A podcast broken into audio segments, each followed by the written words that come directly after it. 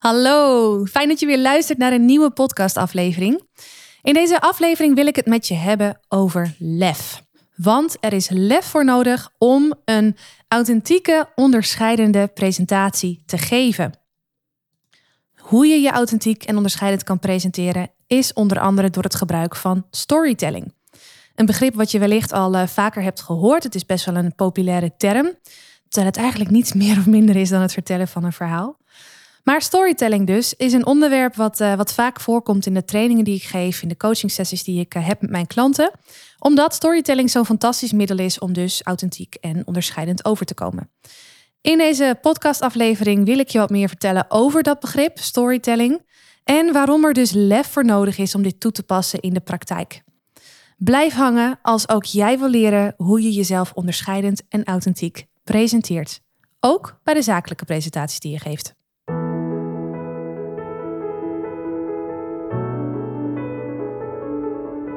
Mijn naam is Marije Wielenga. Is presenteren voor jou van essentieel belang om succesvol te zijn? Zakelijk, publiekelijk of persoonlijk?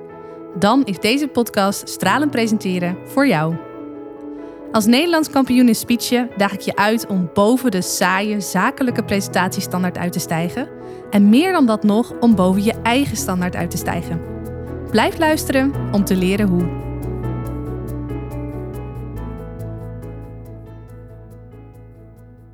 Ik begin deze aflevering met eh, het lekker stigmatiseren van zakelijke presentaties.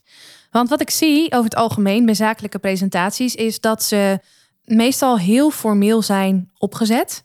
Uh, ze worden verteld door iemand vanuit uh, dienst, rol, functie, bedrijf. En bevatten veel informatie, vrij veel zakelijke informatie. En weinig persoonlijkheid. Om de een of andere reden lijkt het alsof de meeste mensen die zakelijke presentaties geven ervan overtuigd zijn dat de mensen waar ze voor spreken, dat die alleen komen voor dat wat er gepresenteerd wordt. Dus dat product, dat bedrijf, dat proces, die visie. En ergens uh, is dat natuurlijk ook zo. Alleen waar je aan voorbij gaat bij die overtuiging, is dat er eerst een persoonlijke klik moet zijn tussen de toehoorder en de spreker, voordat een zakelijke boodschap überhaupt overkomt. Voordat iemand überhaupt open staat om te luisteren naar datgene wat hij of zij heeft te vertellen. Denk er even over na, want dit is echt een heel belangrijk uitgangspunt om mee verder te gaan als je jezelf wil ontwikkelen op presentatiegebied. Dat die overtuiging zo leeft, dat snap ik zelf volkomen. Sterker nog, ik heb hem uh, zelf ook lange tijd gehad toen ik werkzaam was in de zakelijke dienstverlening en daarbij moest presenteren. En daarbij zag dat collega's en, uh, en leidinggevenden en zo het ook allemaal op die manier deden, zoals ik het net uh, schetste, dat beeld. En dat hielp mij natuurlijk niet om met meer plezier voor de groep te staan. Dus toen ik uiteindelijk zelf, door onder andere het leren speechen en het Nederlands kampioenschap winnen daarin, uh, leerde dat je eigenlijk veel meer impact maakt als je ja, niet alleen maar heel formeel presenteert, maar ook juist wat meer van jezelf legt in de presentaties. Toen kwam ik erachter dat die overtuiging dus niet klopt. Dat die ergens aan voorbij gaat. En dat is dus het stukje persoonlijke verbinding dat je van mens tot mens mag maken, van spreker tot toehoorder, om überhaupt iets te kunnen vertellen wat blijft hangen over een product, proces, visie, bedrijf, etc. Goed, misschien is dit inzicht totaal nieuw voor je. Misschien is het al bekend voor je. Hoe dan ook, is het natuurlijk nu de vraag van oké okay, Marije, leuk. Je hebt dus, uh, het is dus goed om als mens verbinding te maken met je toehoorders. Maar hoe doe je dat dan? Op een manier die wel zakelijk is. Ik bedoel, je kunt natuurlijk zo'n leuke one-man of one-woman show gaan opvoeren voor je toehoorders. Maar dat is ook niet echt professioneel, toch? Hoe, ga je dan toch zorgen dat als die zakelijke boodschap het uitgangspunt is, dat je dan toch op een persoonlijk niveau een verbinding maakt met je toehoorders. Om dus te zorgen dat die zakelijke boodschap beter blijft hangen. Dat je dus meer impact maakt. Nou, je voelt hem al aankomen, want ik heb hem natuurlijk al verklapt in deze intro. Dat doe je door bijvoorbeeld storytelling toe te passen. Door het vertellen van verhalen. En dan het liefst verhalen die ook betrekking hebben op jou. Want je kunt nog zo'n leuke verhalenverteller zijn. Uh, als je een boek voorleest aan iemand, weet die ander, kan die ander zich vermaakt voelen, maar weet die ander nog niks over jou als lezer. De storytelling, uh, ja, een verhaal vertellen kan dus zijn over allerlei verschillende onderwerpen. Maar het liefst ook wel onderwerpen die te maken hebben met jou, met hoe jij dingen beleeft. Ik ben echt gek op storytelling. Niet alleen omdat wij als volwassenen het stiekem net zo fijn vinden om naar een verhaal te luisteren als kinderen, maar ook omdat dit een ontzettend krachtig hulpmiddel is om in te zetten bij zakelijke presentaties en daarmee echt het verschil te maken. Zelf met meer plezier voor de groep te kunnen staan, omdat je meer jezelf mag zijn, uh, meer impact kunt maken, maar ook gewoon met meer gemak een vrij droge, formele boodschap kunt brengen. Voordat we verder gaan, is het goed, denk ik, om even stil te staan bij wat storytelling nou precies is. Ik zei je net al, het is niets meer of minder dan het vertellen van een verhaal. Het liefst een persoonlijk verhaal. Maar hoe je het inzet, is dat je gaat kijken naar dat wat je wil overdragen, de zakelijke boodschap die je wil vertellen. Er even vanuitgaande dat je een zakelijke eh, presentatie geeft. Dat je gaat kijken van, goh, wat zijn mijn persoonlijke uh, linkjes met dat onderwerp of met iets wat je aan wil snijden. En dan een verhaal gaat vertellen wat een brug maakt tussen iets wat jij, ja, iets van jou, een verhaal van jou, een belevenis van jou. En dat je daarmee dan een brug maakt naar dat zakelijke onderwerp waar je naartoe wil. Dat is storytelling, hoe je storytelling in kunt zetten bij uh, het vertellen van een, uh, of bij het geven van een zakelijke presentatie. Er zijn daarin wel een aantal dingen van belang, een aantal regels. Het is fijn als het verhaal zo dicht mogelijk bij de waarheid ligt. Als het compleet verzonnen is, dan uh, doet dat een afbreuk aan jou, uh, aan, aan, het vertrouwen wat mensen krijgen, hebben in jou. En dat is zonde. Dat wil je niet. Maar uh, helemaal de waarheid hoeft het ook weer niet te zijn. Het kan best zo zijn dat jij een verhaal hebt wat op zich super bruikbaar is voor de zakelijke boodschap die je wil vertellen. Of meerdere verhalen. Maar dat een verhaal, als die net even wat meer getweakt wordt naar een ander moment in de tijd. Of waar iemand anders bij betrokken was. Um, of dat je bepaalde verhalen samenvoegt om tot een verhaal te komen daar kan je best wel een beetje in uh, meespelen, zeg maar. Als de kern van het verhaal wel waarheidsgetrouw is en klopt. En dus niet compleet is verzonnen. Dus dat is belangrijk, dat het verhaal wel klopt in de basis. Iets wat ook belangrijk is en wat heel snel wordt vergeten, is dat het van belang is om jouw eigen gevoel hierin kwijt te kunnen. Niet alleen door te spreken vanuit emotie. En emotie kan natuurlijk uh, alles zijn, hè? Blij, boos, bang, bedroefd. Dat zijn de vier B's. Of uh, ja, zwaar gefrustreerd, heftig verliefd, super geschrokken. Bedenk het maar. Maar je wil die emotie niet alleen non-verbaal uiten door boos of blij of bedroefd te klinken, maar je wil ook vertellen wat die emotie is. Dus echt letterlijk vanuit de ik-vorm zeggen: ja, in dat moment voelde ik me uh, super gefrustreerd of echt helemaal in de war of echt zwaar verliefd. Bedenk het. Emotie, het letterlijk benoemen van de emotie, naast dat je hem ook non-verbaal uit. Er valt nog heel veel meer te zeggen over hoe je storytelling toepast. Um, en daar kan ik je heel veel meer over vertellen, maar dat ga ik in deze podcast niet doen. Want ik wil je eerst vertellen wat de voordelen zijn van het gebruik van storytelling. Naast dat het natuurlijk een authentieke presentatie geeft. Laat ik eens beginnen met de eerste. Wat je wellicht uh, gewend bent wanneer je naar een zakelijke presentatie luistert, is dat mensen beginnen met: uh, Hallo, welkom. Mijn naam is en uh, we gaan het hebben over puntje, puntje, puntje. En dan gaan ze verder. Dat is een vrij gebruikelijke start van de zakelijke presentatie. Hoewel ik dat niet per se fout vind, is het ook niet echt heel onderscheidend. Toch?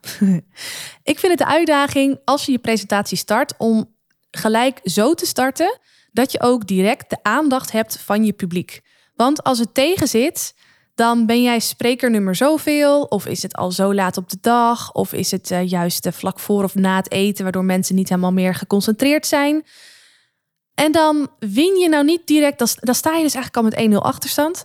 Maar dan win je het ook niet als je dan ook nog eens een keer gaat beginnen met: Hallo, welkom, mijn naam is en ik ga wat vertellen over. Ik hoop dan ook dat je gelijk iets doet om die aandacht naar je toe te trekken. En nou komt het, storytelling is daar een fantastische troef voor. Dus in plaats van hallo welkom, mijn naam is, kun je starten met, uh, nou het was uh, vrijdagavond uh, vorig jaar in augustus en toen gebeurde puntje, puntje, puntje, puntje. Je kunt je nu misschien al indenken dat als iemand zo zijn verhaal begint en als jij op dat moment bij die persoon in de zaal zit, dat je denkt, hé hey, wacht, wat gebeurt hier? Er wordt een verhaal verteld. Heb ik iets gemist? We zijn begonnen. Waar gaat dit naartoe? Kortom, je hebt gelijk de aandacht van je toehoorder als je begint met storytelling. En dit is dan ook gelijk dus het eerste voordeel van storytelling. Je trekt gelijk de aandacht of je schept gelijk verwarring wat de aandacht trekt, omdat het niet gebruikelijk is in die zakelijke sector dat mensen zo beginnen. Ik zeg hier even bewust bij de zakelijke sector, want Ga maar eens even na. Uh, speeches die jij ziet online, omdat mensen ze delen via Facebook of via LinkedIn. Hè, dan zijn ze vaak al heel goed. Of uh, TED Talks. Dat zijn nou echt van die speeches, presentaties die uh, over het algemeen heel goed zijn. En daarbij zul je merken dat het wel gebruikelijk is dat mensen met een verhaal beginnen. Dat ze out of the blue gewoon beginnen met het was er was eens, bij wijze van spreken, of het was die en die datum. Weet dus dat, uh, dat ja, hoewel het misschien ongebruikelijk voelt, het echt sterk is om juist met een verhaal te beginnen om de aandacht te trekken. Tweede voordeel van storytelling toepassen is dat verhalen over het algemeen veel beter blijven hangen in het geheugen van mensen dan feiten of cijfers. Ga voor jezelf maar eens na. Een, uh, een tiencijferige bankcode is moeilijker te reproduceren dan een mooi verhaal over iemands dag en wat de hoogtepunten daarop waren. Dat komt omdat bij het horen van een verhaal een specifiek deel van onze hersenen worden getriggerd, de hippocampus. En die hippocampus zorgt ervoor dat er een emotie wordt gekoppeld aan het verhaal wat je hoort.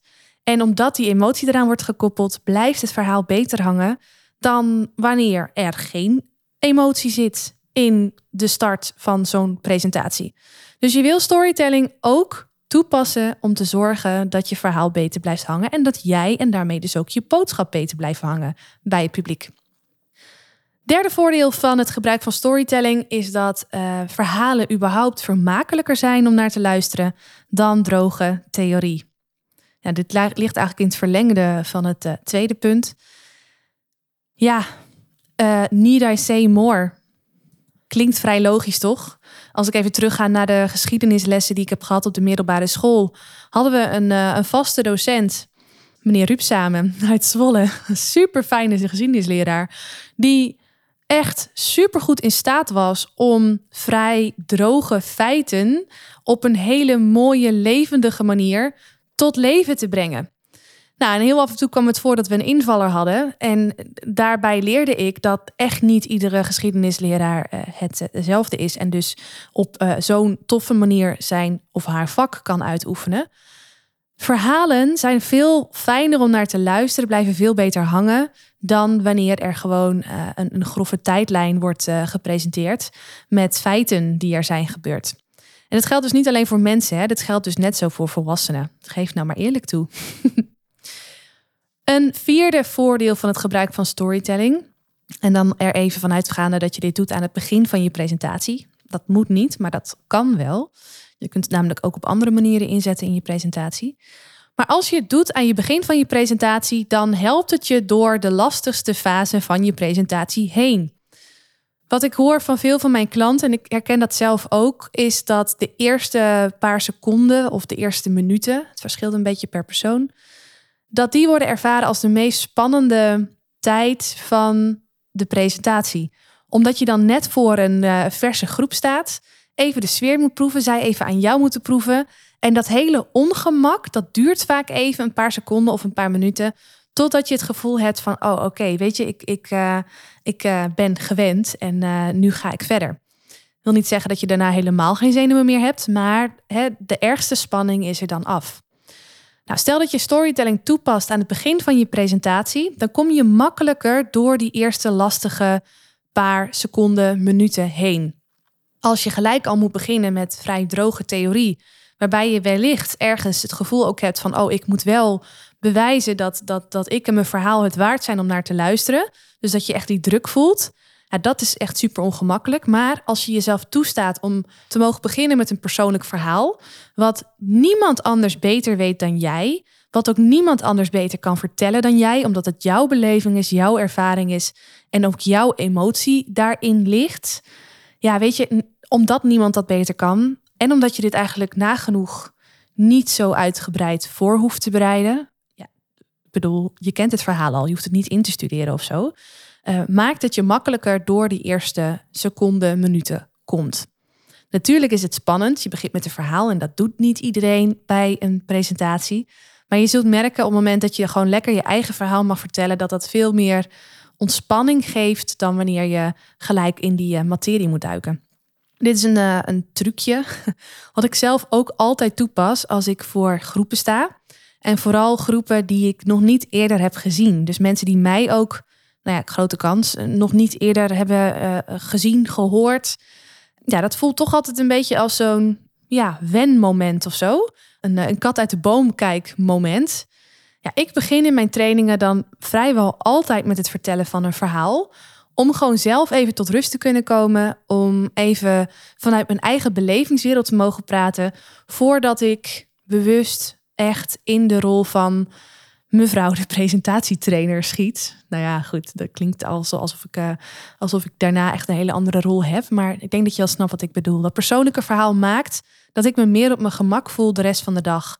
Ook omdat ik merk dat het publiek, wat mij tot voor dat verhaal nog niet kent, dan een beetje beeld heeft bij wie Marije is en wat haar beweegt. En dat ze ook maar gewoon een mens van vlees en bloed is. En ook maar gewoon onzekerheden en spanningen en, en weet je, eh, dingen ervaart. Ehm, wat maakt dat ze zich dus beter met mij kunnen uh, identificeren. Of in ieder geval met een stukje van mij. Nou, een laatste voordeel van het gebruik van storytelling bij een, uh, bij een zakelijke presentatie. Is dat als je het goed doet, dan ben je in staat om ook met een persoonlijk verhaal te komen wat niet direct werkgerelateerd is. Kan wel hè, dat je gewoon iets vertelt over een, eh, een werkervaring die je hebt gehad. Of een gesprek wat je hebt gehad met een collega. Of een ervaring met een manager. Weet je, dat, dat kan dat je een persoonlijk verhaal uh, in de zakelijke sferen vertelt. Maar uh, het kan ook heel goed zijn dat je iets vertelt over, weet ik veel, vrijwilligerswerk wat je doet bij de lokale daklozenvereniging. Of het feit dat je bestuursvoorzitter bent van het dorp waar je woont. En, en daar ja, iets van een anekdote over vertelt. Hoe dan ook, als jij iets vertelt wat niet direct gelieerd is aan werk, tenminste dan komt het het vaakst voor, dan zul je merken dat als je presentatie is afgelopen en uh, mensen hebben geklapt voor je en uh, als het goed is je, je zakelijke doel is bereikt, hè, de boodschap uh, over is gekomen die je willen vertellen, dat mensen dan achteraf veel meer ruimte voelen om met jou in gesprek te gaan over iets informeels, naar aanleiding van een van die persoonlijke verhalen die je hebt verteld. Want wat je je niet realiseert, of misschien nog niet realiseert, is dat als jij een persoonlijk verhaal vertelt over bijvoorbeeld, nou, weer even dat voorbeeld van, je zit in het bestuur van, van het dorp waar je woont, terwijl jij daarover vertelt, in jouw beleving lijkt het van, oh, ik zit hier nou uh, lekker over mezelf te vertellen. Maar wat je doet, onbewust, is dat je onzichtbare haakjes uitwerpt naar je publiek. En ieder gaat vanuit zijn eigen achtergrond en belevingswereld luisteren naar jouw verhaal. En legt een lijntje op een niveau wat voor hem of haar past. Dus als ik dat verhaal vertel als uh, bestuursvoorzitter van, uh, van, het, van het dorp, dan denkt uh, Jantje in het publiek: hey, dat dorp dat ken ik. Daar, daar, daar, woont, daar woont mijn tante. Of daar ben ik zelf misschien opgegroeid. En een ander denkt: hey, wat grappig. Ik, ik heb zelf ook een keer op een blauwe maandag een termijn uh, uh, een secretaresse of een secretarisrol vervult binnen het lokale dorpsbelang. En weer een ander denkt van, um, oh ja, wat grappig. Ik heb laatst nog een, um, een cursus zakelijk tekenen gehad. En nou, dat, dat zou ook goed van pas kunnen komen bij zo'n rol binnen zo'n dorpsbelangbestuur. Weet je, ik verzin het hier te plekken. Maar terwijl jij dus een persoonlijk verhaal vertelt, maakt iedereen in zijn hoofd een eigen vertaling van dat verhaal naar zijn of haar eigen wereld. Dat geeft een klik, dat, dat schept een band. En dat maakt ook dat je achteraf dus, na jouw presentatie, vaker informele gesprekken zult hebben over bijvoorbeeld dat dorp waar je woont of over die functie die je hebt uitgevoerd binnen dorpsbelang of überhaupt over bestuurlijke functies, misschien ook wel zakelijk. je hebt gewoon meer haakjes, meer gesprekstof achteraf. En dat, uh, nou ja, dat doet gewoon heel veel goeds aan, uh, aan de verbinding tussen jou en je toehoorders. En daarmee ook aan hetgeen eh, wat je wil bereiken met jouw zakelijke boodschap. Ik heb nu al vijf dingen genoemd waarom storytelling echt super wijs en super goed is om toe te passen bij het geven van een zakelijke presentatie. En dit komt ook heel vaak terug in de trainingen die ik geef. En wat ik dan merk is als ik dit zo vertel, misschien herken je dat nu ook, misschien doe jij dat nu ook wel, dat mensen echt zo zitten te knikken van, oh ja, ik snap het. Oh ja, ja, ja, je hebt gelijk Marije. Ja, ja, klinkt heel logisch allemaal. Maar dan gaan we in de praktijk oefenen en laat ik ze dus ook echt uh, aan de slag gaan om zelf een verhaal te vertellen. Maar dan komen de tegenwerpingen, dan komen de argumenten, worden de redenen op tafel gegooid waarom storytelling dan toch niet toegepast zou kunnen worden in deze of gene situatie. Luister en huiver. Op het moment dat ik mensen laat oefenen en ze dus gaan ervaren wat het doet als ze zelf een persoonlijk verhaal gaan vertellen. En let wel, hè, dit gaat dus altijd om een zakelijke setting. Het gaat hier niet om een, hè, een toneelvereniging waarin je een soort sketch doet. Nee, dit gaat echt om een zakelijke setting. De eerste overtuiging waarom ik hoor dat mensen het niet doen, is omdat ze bij zichzelf denken: wie ben ik om wat over mezelf te vertellen? Mensen komen niet voor mij als ik een zakelijke presentatie geef ze komen voor uh, het onderwerp waar ik over presenteer. die dienstverlening waar ik over vertel, het bedrijf waarover ik vertel. Die, uh, dat proces wat toegelicht moet worden, die visie die moet worden gegeven. Daar komen ze voor. Dus wie ben ik dan, een bescheiden Nederlander, om mezelf in de schijnwerper te zetten? Want zo voelt dat, hè? Je kunt nog vertellen van een verhaal vertel je voor de ander. Maar zo voelt het toch. Ik sta dan opeens in de spotlight, terwijl dat niet terecht is. Ik snap heel goed waar die overtuiging vandaan komt. En vooral omdat we dus als uh, Nederlanders een vrij bescheiden volk zijn. Ik denk dat er maar weinig Amerikanen zijn die deze overtuiging hebben. maar als dit een overtuiging is die jij bij jezelf herkent, hè, wie ben ik om nou een persoonlijk verhaal te vertellen? Ga dan eens even na, ga dan eens even terug naar wat ik je net vertelde over dat je eerst een klik moet voelen met de persoon voordat je überhaupt open staat voor wat diegene te vertellen heeft. Ga daar eens naar terug en ga dan ook eens een keer in je hoofd naar een situatie waarin jij zelf in het publiek zat en een hele sterke gunning voelde met degene op het podium, omdat je die persoon een beetje hebt leren kennen door bijvoorbeeld een persoonlijk verhaal gehoord te hebben. Ga eens na hoe belangrijk dat was om überhaupt te kunnen uh, geloven wat die persoon zegt. Of überhaupt aan te kunnen nemen wat die persoon zegt. Om even een uh, voorbeeld te geven van hoe dat bij mij uit zou kunnen pakken. Stel dat ik een training zou geven aan mensen die, uh, die mij dus nog niet eerder gehoord of gezien hebben. En ik zou binnenkomen en zeggen: Joh, hallo, welkom. ik ben Marije Wielega. Ik ben jullie presentatietrainer voor vandaag. En ik ga jullie wel even vertellen hoe je een goede presentatie geeft. ik zeg het even heel stom. Als ik het zo zou doen, dan is de kans groot dat iedereen in die zaal misschien wel stil is, maar denkt, ja, oké, nou, kom maar op. Ja, weet je. Je voelt al, dit voelt veel kouder, onpersoonlijker dan wanneer ik gewoon iets over mezelf vertel en van daaruit verder ga. Dan is de gunfactor er en dan is er veel meer. Als ik meer openheid heb getoond in mijn verhaal, voelen zij zich ook veel meer open om zichzelf van een kwetsbare kant te laten zien, om zelf dingen te gaan delen. Dus het wordt vaak niet toegepast, storytelling, omdat men ervan overtuigd is dat, ehm, dat het publiek niet komt voor hem of haar, maar alleen voor de zakelijke boodschap die te vertellen valt. Ja, jammer, maar goed. Goed om je er bewust van te zijn. Een tweede reden waarom storytelling vaak toch niet toe wordt gepast, Ook al snap je dat het in theorie dat het gewoon echt, echt het ding om te doen is. En die tweede reden is dat uh, we met z'n allen de overtuiging lijken te hebben dat zakelijk formeel hoort te zijn.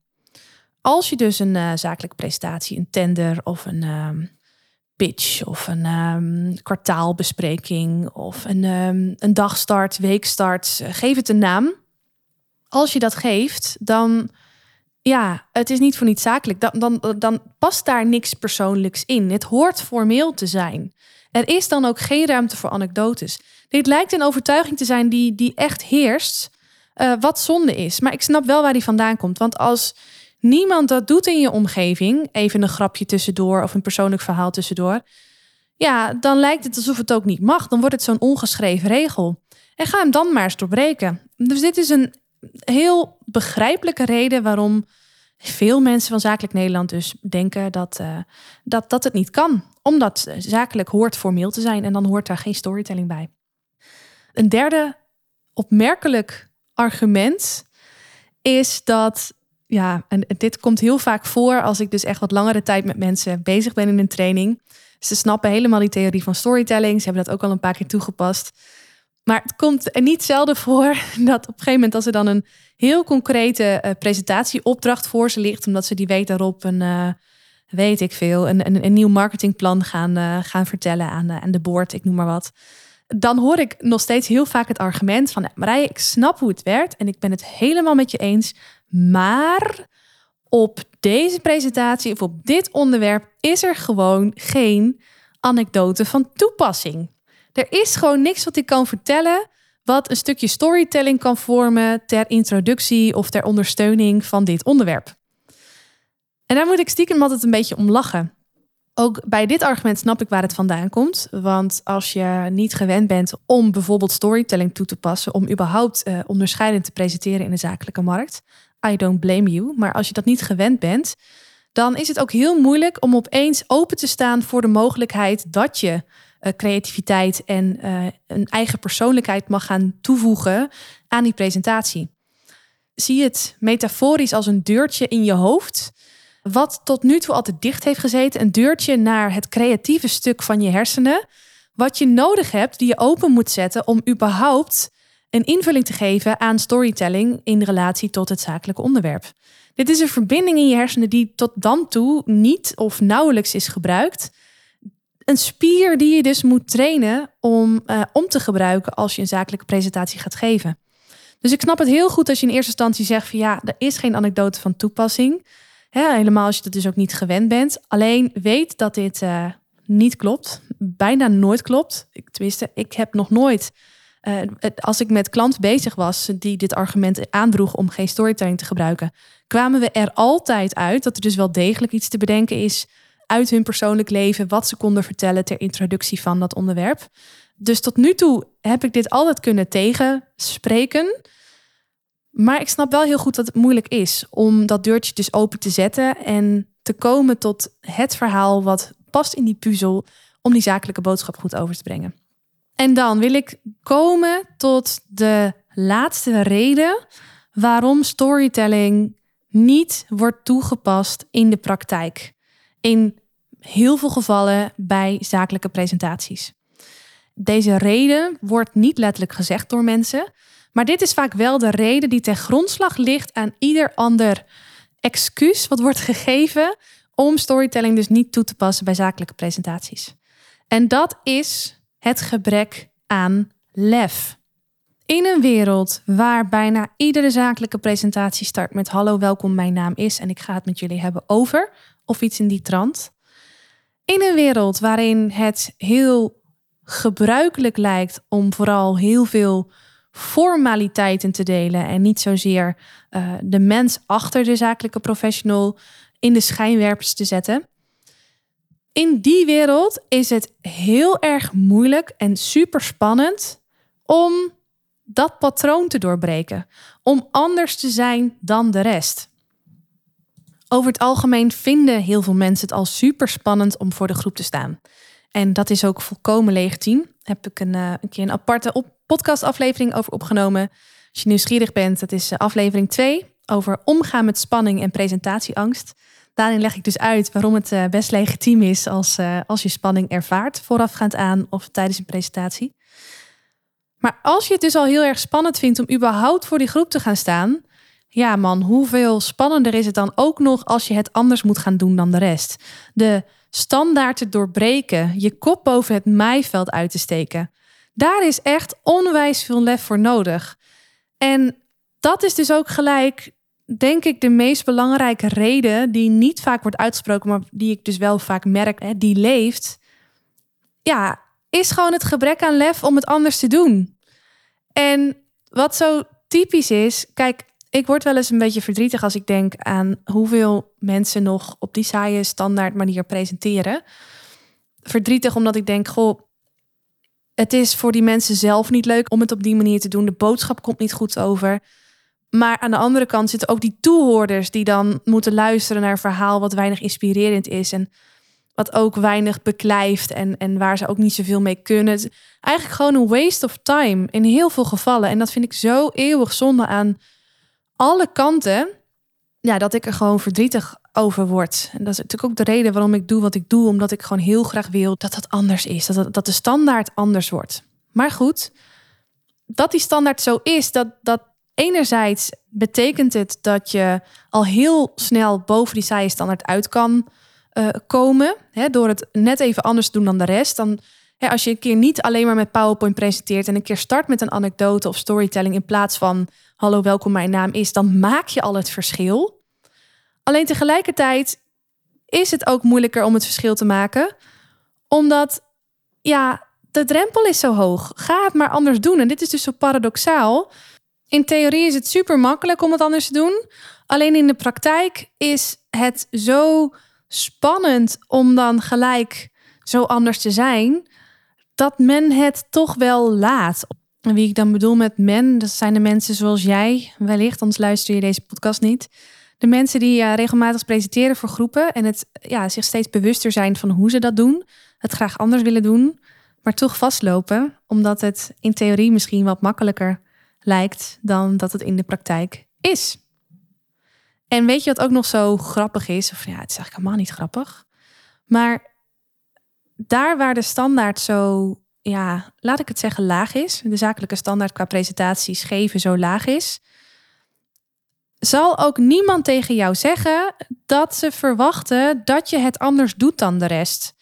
En dit maakt het ook zo verleidelijk om lekker in datzelfde niveau te blijven hangen. Want zolang jij start met hallo, welkom, mijn naam is en 50 PowerPoint dia's hebt um, en, um, en eindigt met zijn er nog vragen en die PowerPoint daarna nog een keer nastuurt, zal er echt niemand zijn die zegt, joh, nou, god, dat is wel heel erg uh, onder de maat of zo. Nee, want dit is hoe iedereen het doet. En als je dan een beetje vlot kan praten en um, af en toe nog eens een vraag stelt en een klein beetje binnen de tijd blijft, eh, ja, dan, dan spring je er al lang bovenuit, hè? vanuit het point of view van jouw toehoorders. Terwijl er nog zoveel meer mogelijk is. En ik hoop ook echt dat je dat begint te voelen, of misschien al voelt als je deze aflevering luistert, als je mijn podcast al langere tijd volgt. En zo kom ik tot het einde van deze aflevering. De aflevering waarin ik het met je heb gehad over lef. Waarom er lef voor nodig is om anders te zijn dan de rest, om met meer impact en plezier en gemak een goed verhaal te kunnen vertellen. En ook wat de rol van storytelling daarvan is. Storytelling is dus een enorm mooie troef om in te zetten om meer van jezelf te laten zien.